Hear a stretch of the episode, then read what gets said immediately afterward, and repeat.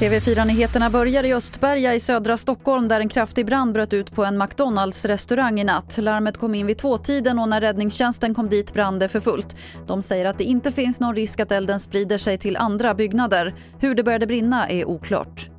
Nu kommer starka reaktioner efter att TV4-nyheterna igår kunde visa dramatiska bilder på hur utsatta poliser är i sitt arbete. Backa undan! Lugnt och sakta bara. Men vi måste få Ja, få tillbaks! I klippet stoppar polisen en person som åkt moped utan hjälm och snabbt samlas flera personer och poliserna tvingas kalla på förstärkning. Vi hör Ari Stenman som är säkerhetschef på polisen.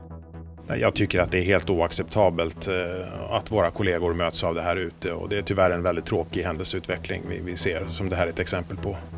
Och till sist kan vi berätta att Västerås flygplats ska läggas ner.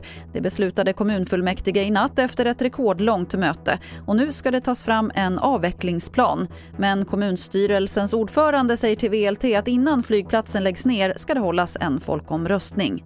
Det var det senaste från TV4 Nyheterna. Jag heter Lotta Wall.